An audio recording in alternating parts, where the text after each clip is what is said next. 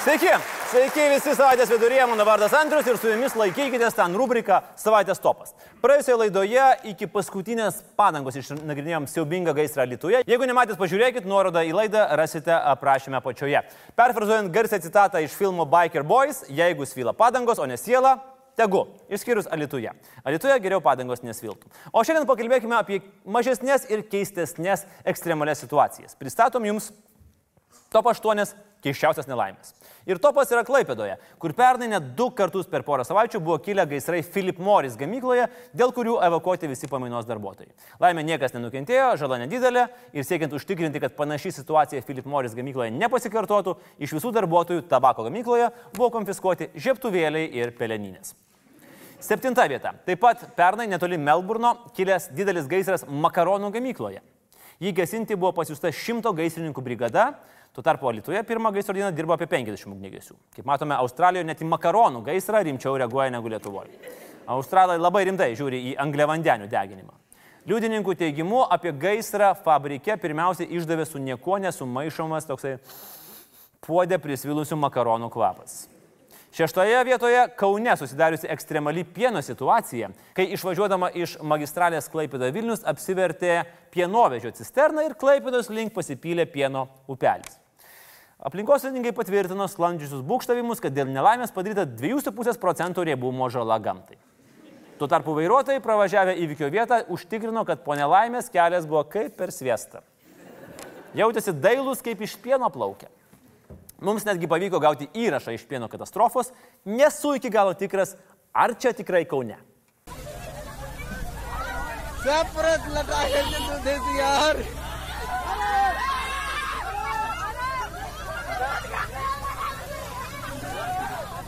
Penkta vieta - dar vienas didelis gaisras prieš porą savaičių sunaikinęs 10 milijardų dolerių vertės kriptovaliutų kasyklą Kinijoje.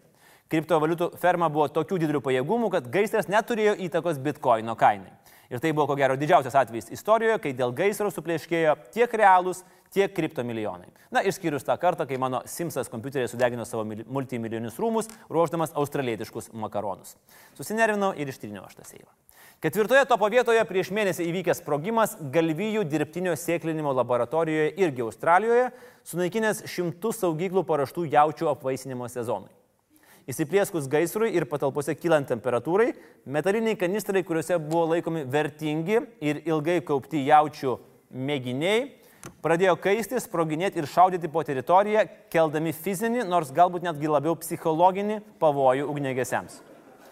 Todėl, kai kitą kartą galvosit, kad jums šiandien nepasisekė, kad diena nebegali būti blogesnė, pagalvokit apie tuos gelbėtojus, kurie turėjo gesinti skraidančius kanistrus su jaučių sėkla. Trečia vieta - gaisras Marijampolė įsiplieskęs bandelių kepimo ceche. Gaisras kepykloje galėjo turėti brangių padarinių, nes įvyko naktį, bet laimiai laiku buvo sureaguota. Marijampolės ugnegesiai atvyko greitai, dirbo profesionaliai, suvaldė situaciją, per penkias minutės bandelės vos spėjo apskrusti. Antroje šios savaitės keistų ekstremalių situacijų topo vietoje šią vasarą įvykęs milžiniškas gaisras amerikietiško burbono Jim Beam gamykloje. Žmonės nenukentėjo, tačiau gaisro metu į šalia gamyklos tekančią Kentukio upę išbėgo tūkstančiai litrų burbono. Apie nelaimę sužinoję apylinkių gyventojai turėjo labai daug klausimų. Kada? Kodėl? Kur ta upė? Ir ar dar liko? Paskutinį kartą džimbimo pasaulinės atsargos taip smarkiai buvo sumažėjusios, kai tarp pusvenčių buvo pardavinėjamas 60 procentų nuolaida maksimuose. Na, o pirmoje vietoje pernai Lenkija sukrėtusi nelaimė, kurios metu greitkelyje avariją patyrė ir apsivertė skystą šokoladą gabenę sunkvežimis.